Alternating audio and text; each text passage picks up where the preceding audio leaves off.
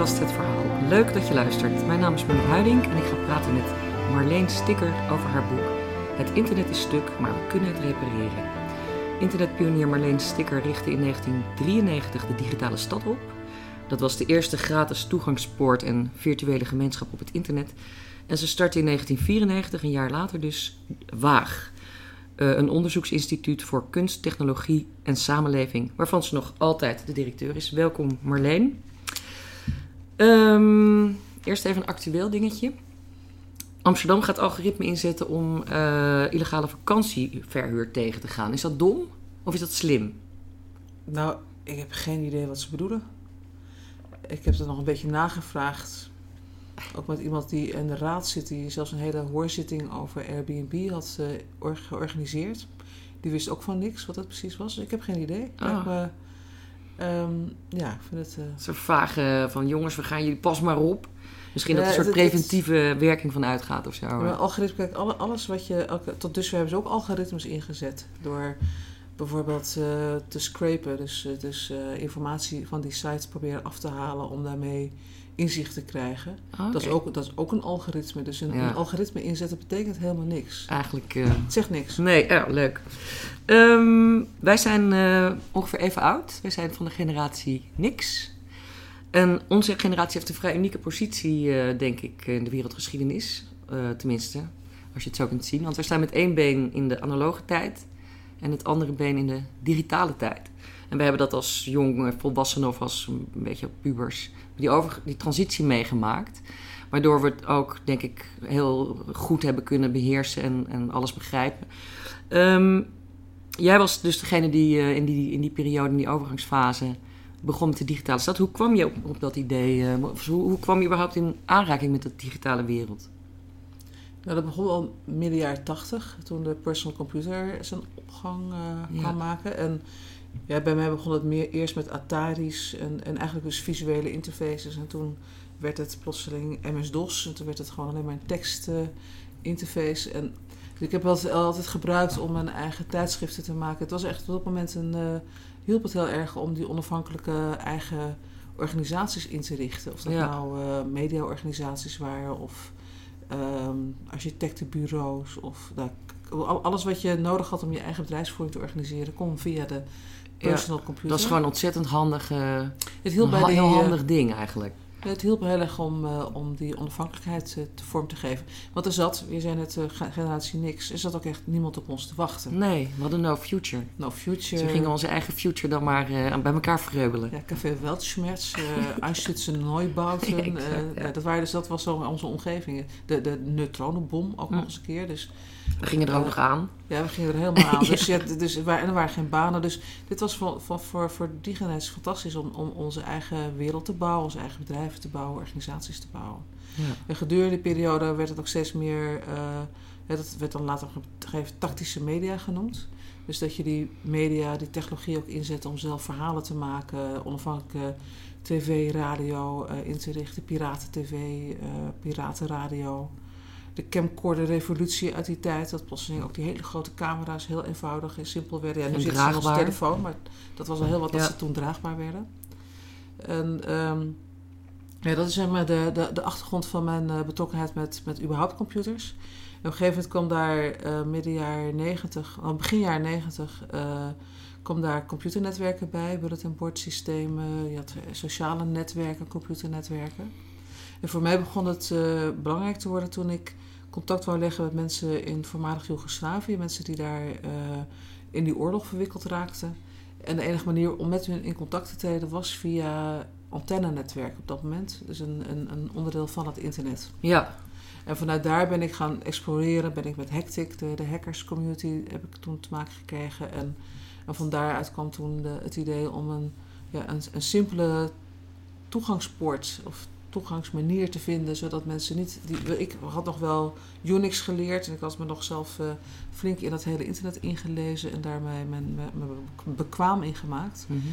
Maar de bedoeling was dat het eigenlijk ook voor iedereen toegankelijk zou worden. Ja, dat moet wel een ontzettend leuke tijd geweest zijn. Dat was een uh, hele heel, leuke tijd. heel veel vrijheid en uh, allerlei mogelijkheden.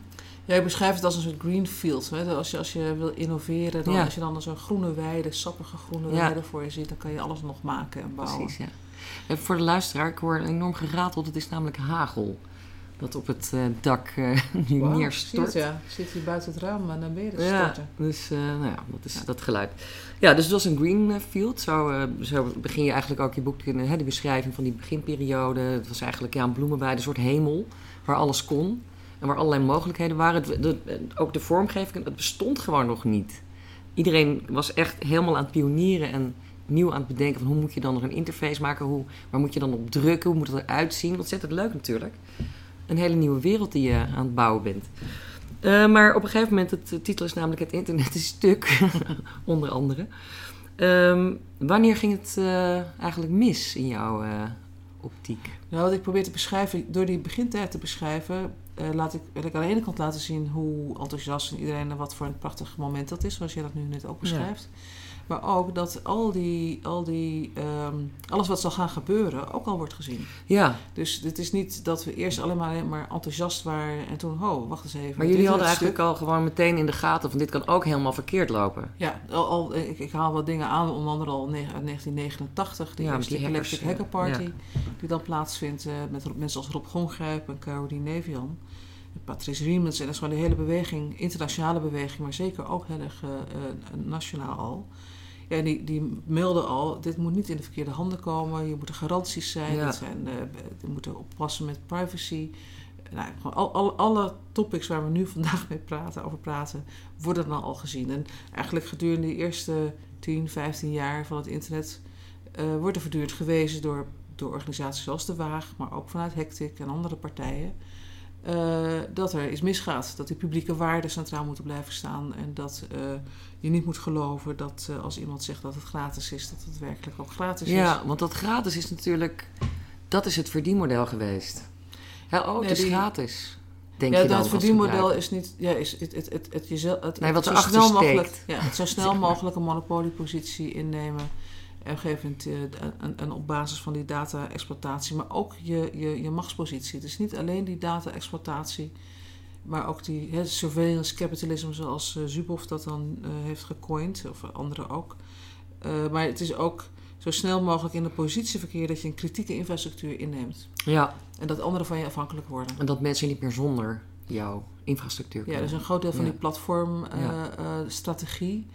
Strategie van de Ubers en de Airbnb's en dergelijke is om gewoon in, in een kritieke infrastructuur in een stad of in een, in een samenleving in te nemen. Ja, En daarin ehm, anderen van je afhankelijk te maken. En het interessante vind ik, en dat is ook wel in die zoektocht, want het werd eigenlijk steeds erger gedurende het afgelopen jaar, is dat je dan steeds meer ook achterkomt wat voor een soort geldstromen daar dan in, in omgaan. Dus dat het plotseling oliegeld blijkt te zijn van die Saudi- Saoedi-Arabische kroonprins, die dan miljarden, niet Ja. een beetje, maar tientallen miljarden investeert in bedrijven als Uber. die data verzamelen. Ja, en dan zie je dus een verschuiving van oliegeld. Dus die verschuiving die we met elkaar zien van, van afhankelijkheid van fossiele brandstoffen, waar we nu op macropolitieke basis en macro-economie ook al afhankelijk van zijn. Mhm. Dat die denken, oh wacht eens even, ze gaan nu zelf een energie opwekken. Eh, we, we schuiven onze, onze middelen in die digitale infrastructuur. Ja, En dat is waar we nu zijn. Dus, dus dat internet is stuk is deels gradueel gegaan. mhm. Maar, eh, maar voor de goed, goede, goede verstaander is dat al, al die hebben dat al veel eerder gezien. zat het eigenlijk al ingebakken. Er zit ingebakken in machtsdenken. Dus het Ja. idee dat technologie neutraal, niet neutraal is, dat is... Ja. Ik probeer ook in het boek die hele mystificatie rondom technologie bloot te leggen. Dus niet alleen puur internet, maar überhaupt technologie. Ja, Dus als we het hebben over artificiële intelligentie of big data, dan is het steeds... De technologie is de uitdrukking van, van machtsongelijkheid vaak. ja. En, en als wij zeggen, we gaan nu alles op eh, data gestuurd beleid. Ja, van wie is die data? Welke Ja. data? In wiens handen is die data? Mijn data. Jouw, Jouw data. data. ja. Ja. Blijf eraf. Waarom is, want dat vind ik wel een van de mysterieën eigenlijk eh, rondom dit eh, probleem. Waarom zijn die data zo ontzettend veel geld waard? Ehm, nou, dat is, maar een, eh, dat is maar een suggestie dat dat zo is. Ja, maar waar wordt toch heel veel voor betaald? Ja, omdat men, eh, men met elkaar claimt dat op basis van die data, eh, data dus macht is. Maar dat is ook wat je eraan verleent. Maar Dus hoezo? ehm, door die, die positie, die informatiepositie te hebben. Het is blijkbaar een vorm van kennis. Er wordt gesuggereerd dat je een bepaald soort kennis uit die data kunt halen, die je kunt gebruiken voor producten of om diensten of producten te ontwikkelen die geld opleveren, omdat mensen dat gaan gebruiken. Zeg ik dat goed? Nou, je hebt, nee, ja, maar de vraag is of dat echt waar is. Nou, dat, het, het, het begint ermee dat we zeggen dat data... Dus, dus dat is ook de Europese Commissie geweest. eh, onder andere eh Kroes. eh Smit.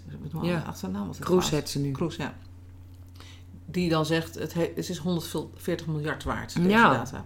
Why? Nou, omdat dat dan, het data is nieuwe olie, data is nieuwe goud. En dan, eh, dan- dan ontstaat er daardoor een mechaniek waardoor investeringen in data dus ook... eigen, eigen dynamiek, hè? Is zijn dat? eigen dynamiek, Ja. dus het is een Ja. self-fulfilling prophecy. Ja, Dus dat is één tendens. Dus dat, dat, dat is die hele speculatie rondom investeringen en eh, posities opbouwen ten opzichte van data. maar ook greed is good. Ja, maar, de- maar er is een andere dynamiek en dat is dat op het moment dat je een informatiepositie hebt, je kunt manipuleren, je kunt informatiestromen or- orchestreren. En daar, heb- daar heeft men veel geld voor over. Ja. Dus de, de, de, de, die, die posities in te nemen in die infrastructuur. Dus ik, ik, uiteindelijk hè, ontrafel ik die hele, dat internet als een soort stack, als een stapeling van Ja. verschillende technologieën. En elk van die, van die lagen van die, van die stapeling kun je, kun je een machtspositie opbouwen. Ja, Dus die discussie nu over 5G eh, en, en, en de hardware die ervoor nodig is, en de, de antennes en de routers en de systemen daarvoor, dan, dan zijn we nu totaal overgeleverd aan of Chinese hardware of Huawei, hè, geloof ik. eh, Huawei, of, of, Ja. maar ook, ook de Cisco's en dergelijke Ja. van deze wereld. Ja, dan is dus de opgebouwde positie daarin is dat je data kan, kan, kan, kan snuffelen en dat, dat kan uitlezen. Ja, want ik dacht, kijk, olie en, en goud, dat is goud tot op zekere hoogte. Maar olie is natuurlijk eh, een product wat je wel nodig hebt. Hebben, wij, Mhm. hebben wij data nodig? Ik dacht van niet eigenlijk. Nou, we Toen wij nog daar- jong waren, hadden wij helemaal geen data. En dat ging prima. Nou, het is zelfs, zelfs de vraag of we daarmee niet eh, eh, op het verkeerde aan het sturen zijn. Ik geef geef wel eens het voorbeeld van een, ehm, een zaal vol met mensen die dan bij elkaar zijn gebracht vanuit het ministerie van Onderwijs. En dat zijn allemaal leerkrachten en onderwijzers en schooldirecteuren. En die worden dan samengebracht met allemaal mensen uit, het, uit de wereld van big data en artificiële intelligentie. Die gaan allemaal brainstormen, maandenlang, over wat ze dan allemaal met AI en big data kunnen doen. Het gaat steeds over het optimaliseren van leerervaringen. Dat, dat, dat, dat, dat ze goed weten wat er met het kind of met de, met de student gaat. Maar uiteindelijk is de vraag: moet je, waar zit het probleem nou werkelijk? Is het probleem niet dat die, die schaalgrootte van onderwijsinstellingen veel te groot is, waardoor er niemand elkaar meer echt kent? Ja, Dus zit het probleem niet in dat we niet meer ons onderwijs inrichten rondom echte relaties en elkaar kennen en, en, en een vorm van, van leergemeenschappen te creëren? Terwijl we, als je die schaal te groot maakt, ja, dan snap ik dat je niet meer weet wat student X of 1, 5, 3, 2, 0, ja. waar die zit in zijn leerproces. Want dat zit eigenlijk door het hele boek heen. Er zit ook een, een fundamentele maatschappijkritiek eh, Nou, de- de- bij, onder. Ja, dat heb ik wel Ik heb geprobeerd natuurlijk voortdurend al die aannames bloot Ja. te leggen. Dus de aanname dat je met data beter kan sturen, eh, is vaak omdat we het probleem niet voldoende herkennen. Dus we zijn van een, van een wereld van relaties naar een wereld van transacties gegaan. Het, het- het- het leven- de wereld van zorg is een transactie, de wereld van het onderwijs is een transactie. Alles wordt steeds afgemeten. Dus het gaat voor een deel ook over welke spreadsheet, welke, welke modellen gebruiken we om succes te meten. En, en dat is voor- allemaal gefinancialiseerd. En in dat gefinancialiseerde economische denken eh, past natuurlijk data heel goed, want dat is zogenaamd objectief. Ja, Dat- en- dat is en kwantitatief, neutraal. dat is Ja. zogenaamd neutraal. Dus Het door dat af te pellen, eh, wordt het wel pro- problematischer. Ja. En dan kom je terug op de vraag: is datagestuurd beleid nou echt per se beter dan menselijk gestuurd beleid? Want dat, dat kan je je afvragen. Ja, dat is ook een, echt wel een centrale vraag in, eh, in dit boek. Ja. Ehm, ja, je moet eh, ook even nog de telefoon in de gaten. Mar Marleen wordt misschien nog gebeld, want ze heeft een slimme meter geweigerd te installeren. En nu is het gas bij haar thuis afgesloten. Dus als haar Het heeft telefoon, consequenties hè? als je, tele- als je Internet of Things eh, probeert buiten te sluiten. dus als haar telefoon gaat, dan zet ik de opname even stil. En dan, eh, als het gas weer aangesloten is, dan zet ik hem weer aan. Maar misschien gaat de telefoon wel niet gedurende de- deze opname. Ehm, laten we het ook he- even hebben over Google. Eh, ik kan me nog herinneren dat in de begintijd had je allerlei zoekmachines die elkaar zo veel mogelijk probeerden te bestrijden, althans weg te concurreren. En toen kreeg je op een gegeven moment Google. En ik weet nog dat ik dacht, oh wat een fijne zoekmachine, want die hebben geen reclames. Want daar, daar, dat was toen op dat moment hun verleidingstactiek. Hè, er waren helemaal geen, niks van advertenties en knipperende dingetjes en banners. En heerlijk. Ehm, maar jij beschrijft Google ook als een van de, van de organisaties, van de bedrijven. Die, is- die daarmee trouwens enorm groot geworden. Heeft alles opgegeten zo ongeveer. Nou, niet alles, maar wel heel veel. Ehm, als een van de, van de bedrijven die dus puur op die data eh, surveillance zitten. Want dat verkopen ze dan blijkbaar of zo. eh. hoe zit het? Nou, oké, het- het- Google begon inderdaad als een soort lekker lege pagina waar je gewoon Ja. wat woorden intikte en dan kreeg je zoekresultaten. Eh, maar al vrij snel werd het duidelijk dat die zoekresultaten betaald werden. Dus, dus dat was voor- in eerste instantie hun verdienmodel. Ja. Is om partijen te laten betalen om in de- op de eerste pagina te staan. Soms omdat ze dat, eh er stond er echt advertisement bij.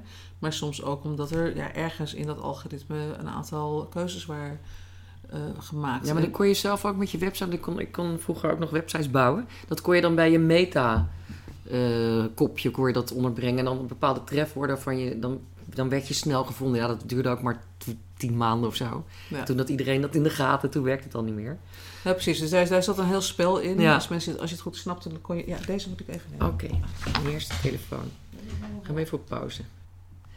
Ja, nou, de telefoon eh, is beantwoord en het gas eh, is weer aangesloten, dus eh, gelukkig maar.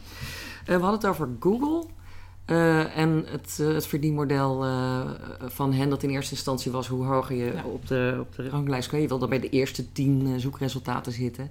En daarna werd het iets anders, denk ik. Ja, dus, nee, dus in die tijd was het al de vraag... wat zijn die algoritmes? Waarom zijn die niet openbaar? Dus dat is al... Het was heel geheimzinnig allemaal. En, en en in die zin ook al... waren ze veel te bepalend voor hoe wij onze kennis eh, tot ons zouden nemen. Maar in 2004, althans dat is de, de, de, de timing, zeg maar, zoals... eh, Susanne Zuboff met haar boek Surveillance Capitalism, daar, daar, daar zet zij het tijdstip op. Daar verandert het verdienmodel van Google van die zoektermen en het betalen van zoektermen naar eh, en partijen laten betalen om, om op jouw pagina get- aangetroffen te worden, naar het vergaar van zoveel mogelijk eh, data over van de jou. gebruikers. Ja. Ja, van de gebruikers, zodat het gebruiksprofiel wordt verkocht. ja.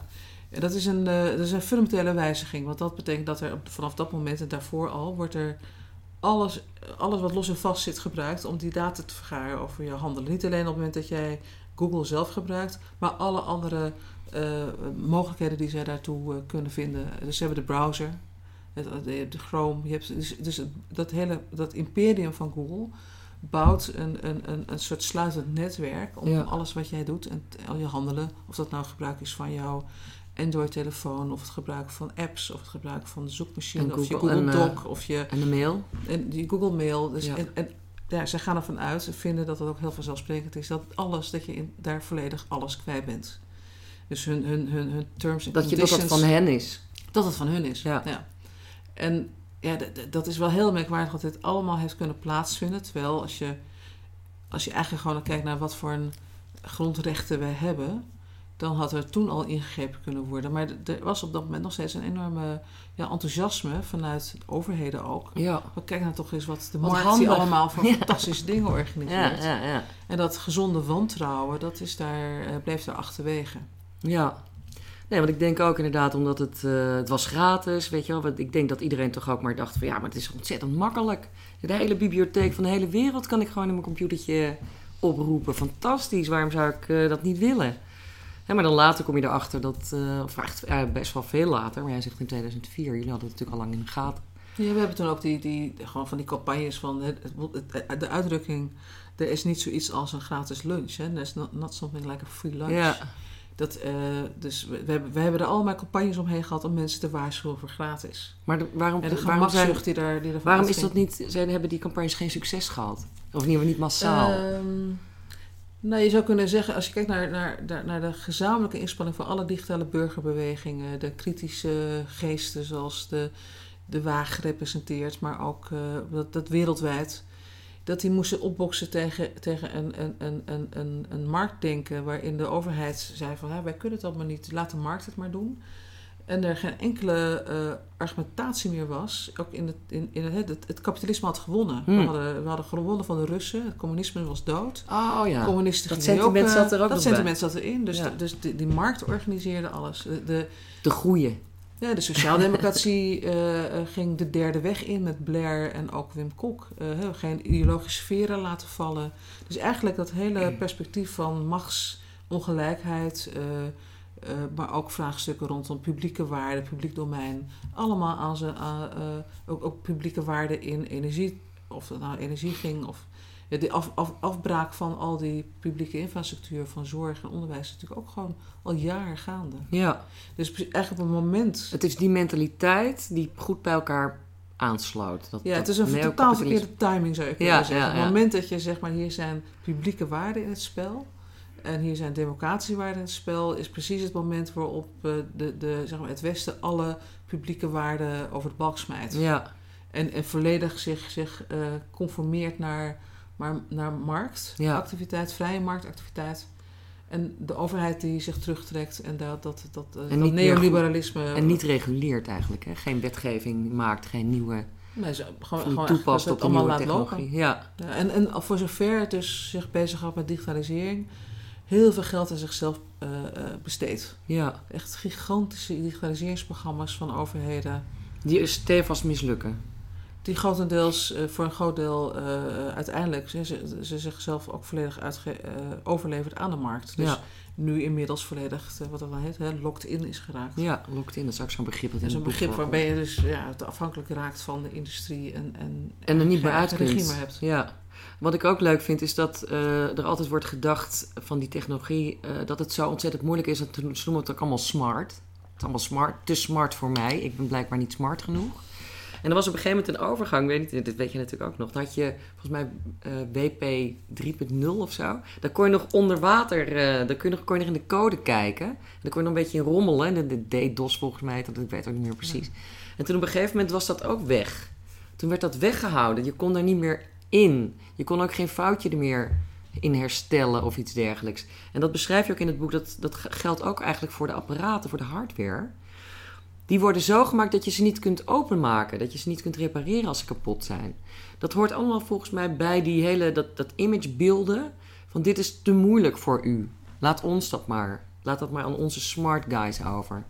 Heeft dat met elkaar te maken? Ja, er zit een, er zit een enorm ingewikkelde eh, afweging. Want wat wij toen met de digitale stad deden... en wat heel veel mensen uit de ontwerpwereld en de artistieke wereld... en de hackerswereld hebben gewild... is technologie ontsluiten, democratiseren, eenvoudiger maken... en die complexiteit ook voor een deel reduceren. Zo moeilijk was het eigenlijk ook niet of hoor. om mensen mee te laten doen. Ja. En tegelijkertijd, ik bedoel, Apple is daar natuurlijk gewoon de grote eh, kampioen in... door te zeggen, nou, je hoeft helemaal geen eh, shell-toegang meer te hebben tot je, Ja. tot, tot, tot je computer.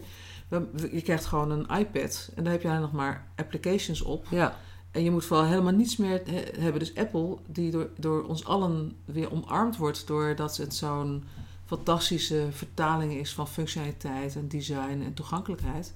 is ook eh, een kampioen in het, eh, in het eh, zorgen dat jij jouw jouw iPhone niet meer open kan maar ook niet meer begrijpt hoe het werkt. En ook niet meer begrijpt hoe Ja. het werkt. Dus het is, een, het is een fine line, zeg maar, waarin die twee dingen zich tot elkaar verhouden. En ehm, ja, wij, er is een enorme beweging, die heet dan Maker Movement, of eh, of de, de beweging om weer technologie open te maken, open hardware, open source. En Ja. dat is deels om te zorgen dat we weer vat blijven houden op wat die systemen nou eigenlijk doen. Dus dat er geen achterdeuren deuren in zitten, dat je, dat, Ja. je, dat je accountable bent en dat je dus niet valse voor, voorwenselen eh, kunt, eh, kunt gebruiken voor mensen in, in te sluiten.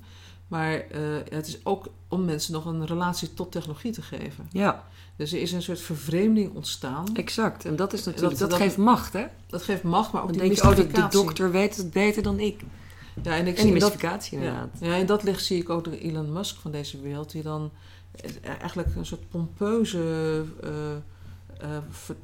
perspectieven bieden op we gaan naar Mars, eh, Ja. we moeten draadjes in onze hoofden hebben voor onze artificiële intelligentie, wordt intelligenter dan de mens. En ik denk steeds dat het is één onwetenschappelijk wat je hier nu zegt. Eh, die AI bestaat niet.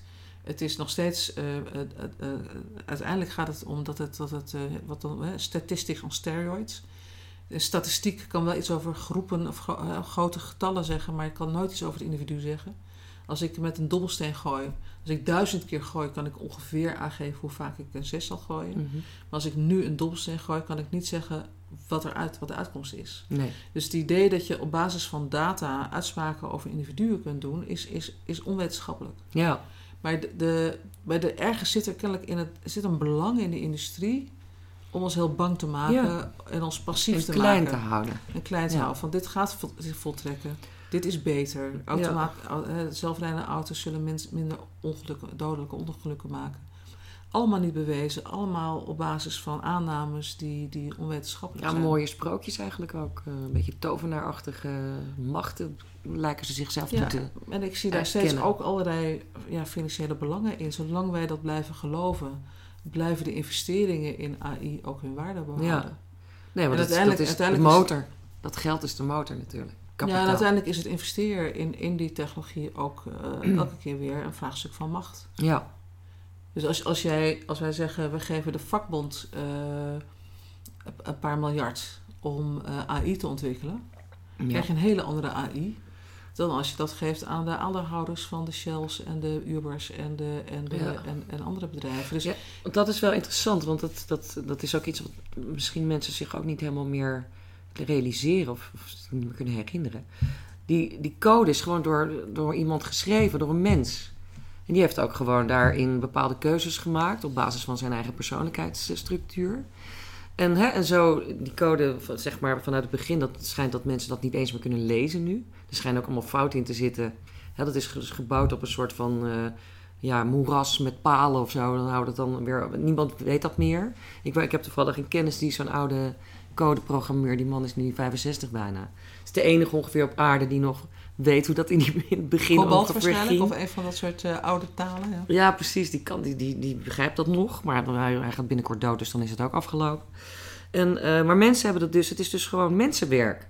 En op een of andere manier zit er een soort van idee omheen van dat het geen mensenwerk is. Dat het, dat het iets heel iets goddelijks is of zo. Iets uitzonderlijks of iets wat maar heel weinig eh, genieën kunnen. Er zit natuurlijk er zit ergens een. een eh, het- dus inderdaad, software en code wordt geschreven door mensen. En eh, dat gaat ook helemaal. Er zitten altijd verschrikkelijk veel fouten ook in die code. Ja, Dus Het zijn ook heel slordige dingen het kan natuurlijk. heel slordig zijn. Ja. Dus het is dat, daar, hebben we alle, daar zijn ook allerlei systemen voor om dat voor elkaar te krijgen. Maar het laatste wat erg grappig was dat ehm, het nieuws. En het internet was altijd eh, voor kattenliefhebbers. Dan kon je heel veel kattenplaatjes eh, kijken. Maar Ja. nou, eh, de internet killed your cat. Want er was zo'n zo'n zo'n voederbak die aangesloten was, is op afstand via het internet. Maar er zat een storing in, de, in, in het programma. Dus die voederbak ging niet open. Dus heel veel huisdieren zijn bijna verhongerd. Omdat ze Door het internet. het, het baasje dacht ik al van twee weken op vakantie. Want ik doe met mijn app, voer ik mijn kat. Ja, en dan zit er ergens is er een storing. En dat, Ja. natuurlijk, dat, natuurlijk doet hij zich voor. We weten Ja. niet beter dan dat die storing Er zijn altijd fouten. Dus Altijd, ja. Ja, dus we zijn er ook aan gewend. We verwachten eigenlijk ook niet zoveel. Als je met je laptop naar een, naar een beamer gaat, dan ga je er eigenlijk al van uit dat er misschien het iets wel mis kan gaan. Zal het wel niet doen. En ondertussen, vanuit een ander soort denken, wordt gezegd: nee, vertrouw die technologie nou maar, want die is beter en onfeilbaar. De mens is feilbaar, maar de technologie niet. Ja, maar dat is natuurlijk onzin. en dat is een raar verhaal. Dat Ja. past gewoon niet bij elkaar. Nee. En interessant is wat jij zegt van als je, je laat een vakbond zo'n artificiële intelligentie ontwikkelen of een een of ander bedrijf, dan komt er iets anders uit. Dat is natuurlijk ook, eh, ja, dat is gewoon cruciaal. Dat is heel belangrijk om te beseffen. Het is belangrijk welke mensen en wie en waarom eh, dit soort software of dit soort eh, technologie blijft ontwikkelen. Want eigenlijk is je, het boek gaat eigenlijk in één zin samengevat over de digitale soevereiniteit die ingebed moet zijn in een sterke maatschappelijke democratie. Want dat is gewoon niet zo nu. Mhm.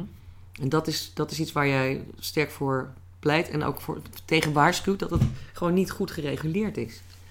Ja, kijk, wat ik, wat ik eh, probeer te doen ook is, is eh, hè, met heel veel mensen te constateren dat, dat het fout gelopen is. Ja. Dat we het hadden kunnen voorkomen, maar dat we daar niet, niet voldoende hebben opgelet. En niet voldoende hebben ingezet. En maar de vraag is nu, krijgen we mensen zover dat ze zeggen... oké, ik ben daar, ik voel me daar toch mee verantwoordelijk voor. En er is een soort dissociatie geweest, mede door die mystificatie. Zoals mensen zeggen, het is heel ingewikkeld, je kan het niet snappen Ja, internet is zo slim, of AI is zo slim, of deze bedrijven zijn zo slim, dan, dan gaan mensen, en, en jij snapt dat niet, jij kan dat niet snappen, je hoeft het nou, ook niet te maar. snappen, laat ons het nou Ja. maar voor je doen. Eh, dan, dan ontstaat er een, een, een, een dissociatie. En wat ik, wat ik graag wil, is dat mensen zich weer geassocieerd voelen. Ja, Maar dat betekent wel, eh, dus dat je aan de ene kant moeten mensen weer, eh, weer dus we moeten een ander narratief ontwikkelen over wat technologie is. mhm. En weer het beeld geven dat het ontwerp is en dat je daar waarde in kunt leggen en dat je daarin deelgenoot van kunt zijn. Maar dat betekent wel dat we ja, ons onderwijssysteem op dit geval anders moeten inrichten. Dat het, het is nog steeds zo dat als je eh, naar een, keuzepakket moet maken, dus je moet je pakket kiezen als je, als je, als je eh 13, 14 bent. En dan kies je, dan ga je naar voorlichting informatica. Dan zeggen ze ja, alleen maar als je scheikunde, wiskunde, natuurkunde, dan, dan is informatica wat voor jou. Ja. Echt letterlijk wordt dat zo gezegd. Terwijl jij Terwijl pleit voor, die je moet ook de geesteswetenschappen Ja, maar ik, zie informatica als onderdeel van creatieve vakken, als een onderdeel Ook. van je tooling, van je gereedschappen. Je kan verven, je kan eh, programmeren, je kan knutselen, je kan ook solderen. Het hoort gewoon bij, die, bij je creatieve vermogen, bij je, bij je cre- creatieve capaciteit. En niet alleen bij je rekenkracht. Nee, niet alleen maar computation en alsof het alleen maar beta eh, Ja. eh, vakken is. Want er zijn zoveel verschillende manieren waarop je op dit moment iets met die digitale technieken kunt doen. Eh, dat, het, dat het veel inclusiever kan. Ja, Dus dat, dat is één pleidooi wat ik, wat ik geef. Van Mhm. zorg dat dat gewoon een heel inclusief, creatief programma is. Integraal in, in, in, in alle onderwijsvormen. ja maar er moeten in feite ook eh, vakken als ethiek bij. En Ja, dus onderdeel, onderdeel, En- onderdeel van dat vraagstuk is inderdaad dus van wat is, wat, Ja. wat is een algoritme. We hebben een heel mooi programma Wie is de baas op het internet? En dat is een Bij programma Waag. waar wij Waag hebben ontwikkeld. Mhm. En dat eh, met, met, ook met Bits of Freedom en een aantal andere partners. eh, Netwerk Democratie en nog een paar partners. En dat wordt nu in Denemarken onderdeel van het formele curriculum van scholen. Hey, oké. Dat is echt, echt heel mooi. Dus dat zijn al die bevragingen van eh, wie gaat hierover? Ja. Eh, wat, wat sluit een algoritme in en uit? Wat, Wat is, wil ik eigenlijk prijsgeven over mezelf? ja, maar ook wel, is data objectief of niet? Ja. dat, zijn, dat zijn dat soort vragen. Ja, Maar dat is één benadering. Het tweede is dat ik denk het opdrachtgeverschap van, van technologie en data en dat moet, dat moet eh, inclusief. Dat kan niet alleen maar vanuit de overheid geïnitieerd worden of vanuit wetenschap die in opdracht van bedrijfsleven werkt. Eh, je zou eigenlijk voortdurend een soort maatschappelijke eh, ontwerpproces daarin moeten aanbrengen. oké. want je, je zei een interview met NRC... als ik opnieuw een digitale stad zou maken... eh, een, een publiek alternatief voor navigeren en communiceren op internet... zou ik hem inrichten op basis van het principe van de commons. Wat zijn de commons? Ja, commons is een, is een begrip wat we in Nederland kennen nog als meent. Gemeente komt er ook vandaan. Ja. Het domein waar, wat een gezamenlijk eh, beheerd goed is. Waar je, eh, dus commons komt ook uit het, Engels begrip Ja, natuurlijk. komt tuurlijk. natuurlijk uit, de, uit, uit, ook uit de, uit hoe we met land omgaan. Waar je de schapen op hoedt, gezamenlijk. Ehm, en commons is een, is een gezamenlijk, eh, gezamenlijke bron of, of goederen die je beheert langs eh, eh, enforced rules. Dus het is, het is absoluut iets waar, waar regels bij, bij komen kijken. Maar wordt door de gemeenschap zelf. ja. Dat is iets anders dan door marktpartijen. Het is ook iets anders dan door de staat, door de overheid. Je schrijft ook in het boek... je moet ook eigenlijk denken aan de waterschappen. Zoals dat in de 13e zijn- eeuw eh, Ja. soort common. Ja, precies. Dus, dus, dus de, de, het commons denken, dus de, de Eleanor Ostrom heeft daar, eh, is daar als... eh, ze heeft daar de, ze heeft daar de, de, ehm, de, hoogste economische prijs eh, nee, voor gekregen voor haar onderzoek. Nobel? Nobelprijs, voor, ja, dankjewel, in 2009. Naar, naar haar onderzoek naar de commons, de historische commons. Hoe we Mhm. dat in de afgelopen eeuwen hebben gedaan. Coöperaties, voedselcoöperaties, landbouwcoöperaties. Maar dat even voor beeld voor de luisteraar. Daar, zo, zo moet je eigenlijk denken. Als iedereen is van elkaar afhankelijk. En het, gaat om het gemeenschappelijk belang vooral. Ja, dus, dus een commons kan prima ook samengaan met markt en overheid. En Ja. een overheid hoort, een- hoort een commons ook te respecteren en mee te zorgen te beschermen dat die als commons eh, kan bestaan. Ehm, een markt kan zich daar omheen organiseren om daar diensten op aan te bieden. Maar de kern is dat je het, dat je het een, een gemeenschapsgoed eh, eh, ziet. En het grappige is dat, dat er uit de wereld van de fysieke werkelijkheid, dus vanuit voedsel, bossen en landbouw en dergelijke, en, en, en, en, maar ook bouwen voor. een soort snijvlak heeft met de digitale commons. Dus open source, free en open so- software, maar ook open hardware, open knowledge, open kennis. Mhm. Dat zijn eigenlijk werelden die met elkaar nu eh, die- elkaar, van elkaar leren. Ja, En je kan dus technologie zien als een gezamenlijke bron die open moet zijn, wat accountable, moet toezicht op Ja. kunnen houden. Eh, waar, allerlei, waar je allerlei eh, gebruik van kan maken. Dus ook Data Commons is een beweging die daarover gaat.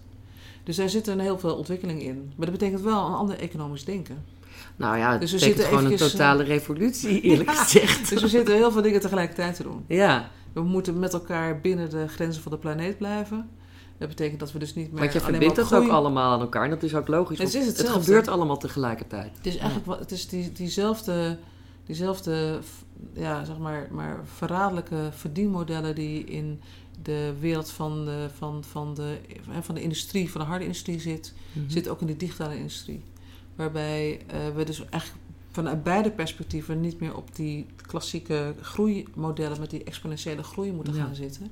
Maar op eh, waardebehoud. Ja, En, en, en, en zorgen dat, we, dat die eh, inclusief is ook. ja. Maar goed, weet je wel, je hebt eh, nu binnenkort weer die Amerikaanse verkiezingen. Je hebt eigenlijk overal wel verkiezingen.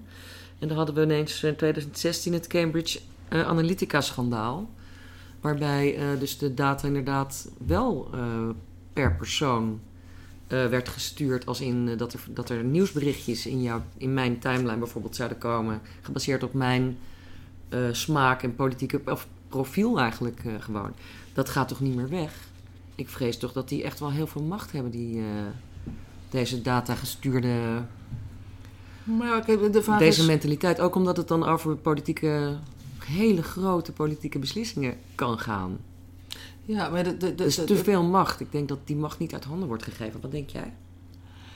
Nou, ik zou, ik zou in ieder geval niet, ik zou niet willen aannemen, nou dan noem maar niks. Ik denk dat, dat nee, we, dat is eh, waar. Ja, goed, maar dan, dan, dan moet je eens formuleren wat je dan wil. Kijk, op het moment dat Ja. je zegt van nou we laten het gewoon maar zitten, dan, dan zijn we inderdaad overgeleverd aan de, aan de Poetins eh Ja, en, en mechani- de- en de- mechanismen. En China, die is daar al, Ja. de Chinezen die zijn al helemaal het slachtoffer van hun eigen bewind. Ja. Maar op het moment dat je zegt, nou dat, dat, dat, eh, dat soort, hè, we gaan daar wel degelijk in optreden, dan zie ik toch een heleboel interessante ontwikkelingen. Dus we zien dat in Europa eh, met alleen al die, die, die, die GDPR of de AVG, dus de, de, hoe met persoonsgegevens omgegaan mag worden, dat heeft toch wel even flink wat impact. Ja. Dus daar gaan toch ook wel partijen zich naar voegen. Zeggen, oké, we willen eigenlijk daar wel aan voldoen. Mhm.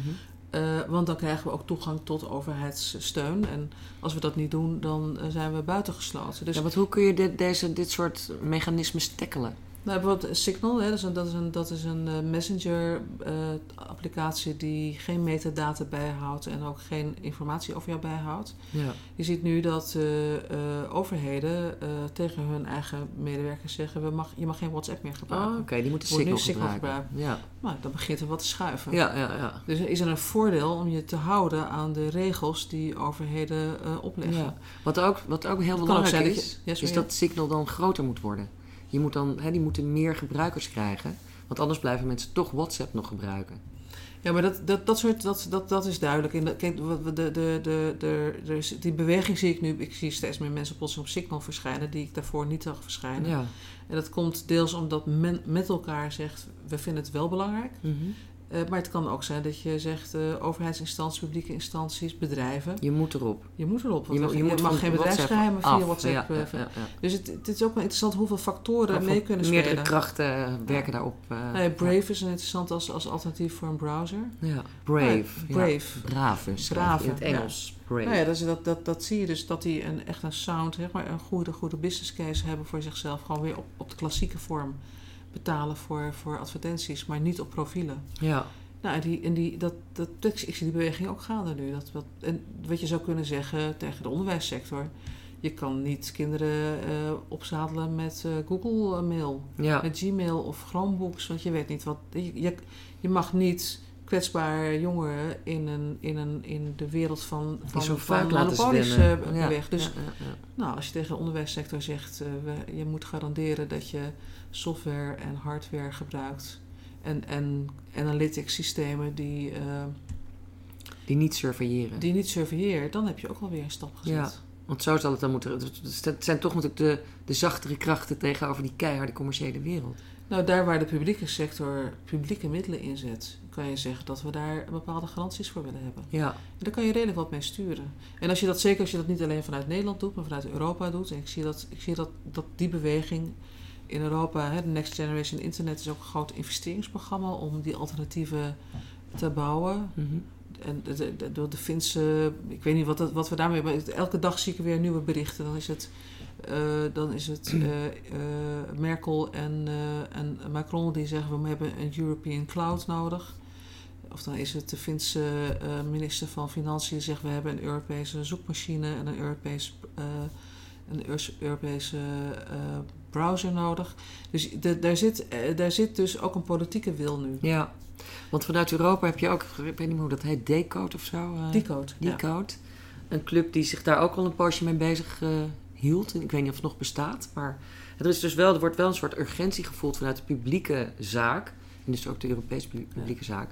Om hier toch eens wat beter op te gaan letten. Ja, en wat ik, waar ik heel veel ook in zie, heel veel mogelijkheden zijn steden. Zeker als het gaat over eh, gezichtsherkenningscamera's, eh, dataverzamelingen, eh, artificiële intelligentie inzetten in of voor of tegen je burgers.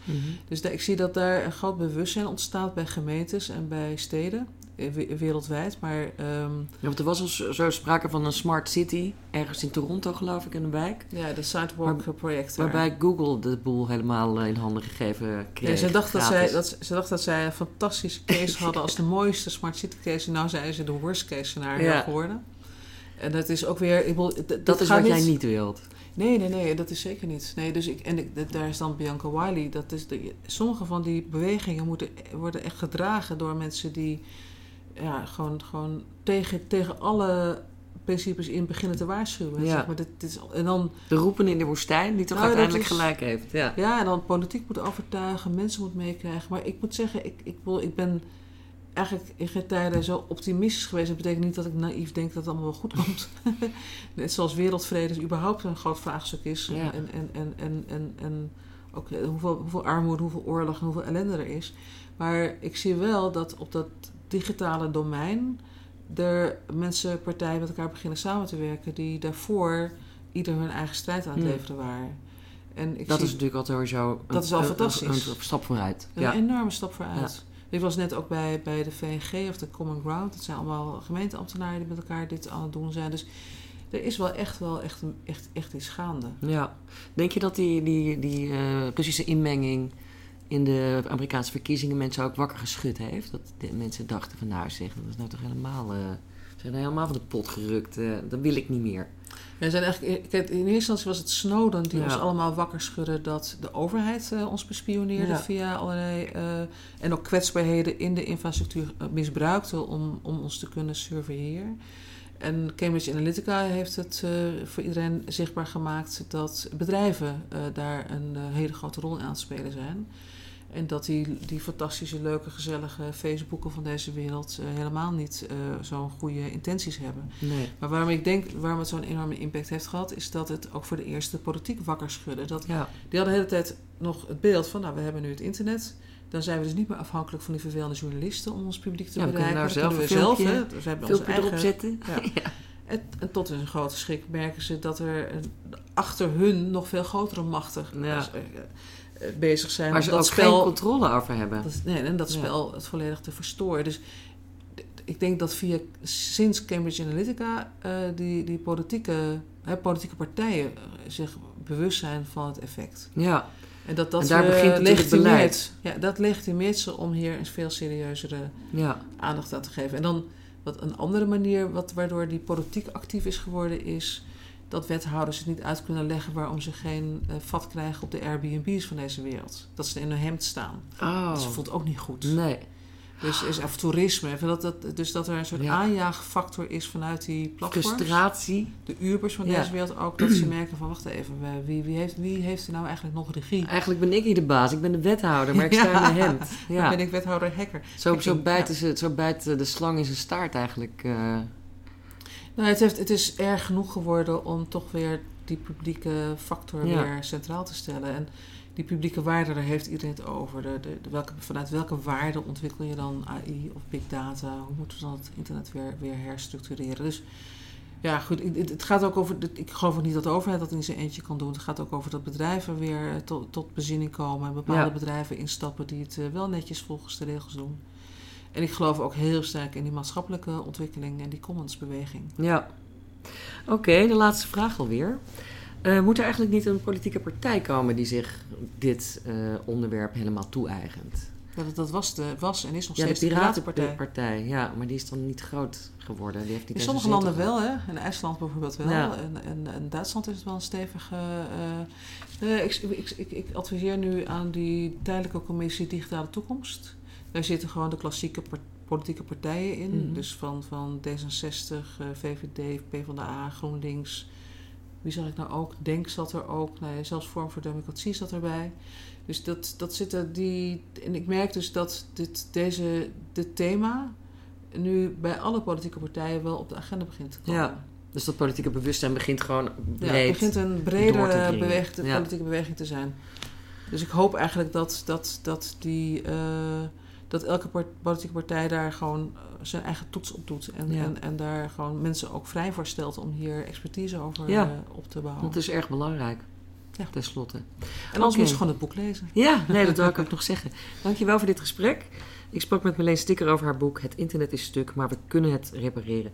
Eh, iedereen die zich, die zich hier niets bij voor kan stellen, omdat dit gesprek misschien daarvoor te kort was, koop dat boek en lees het.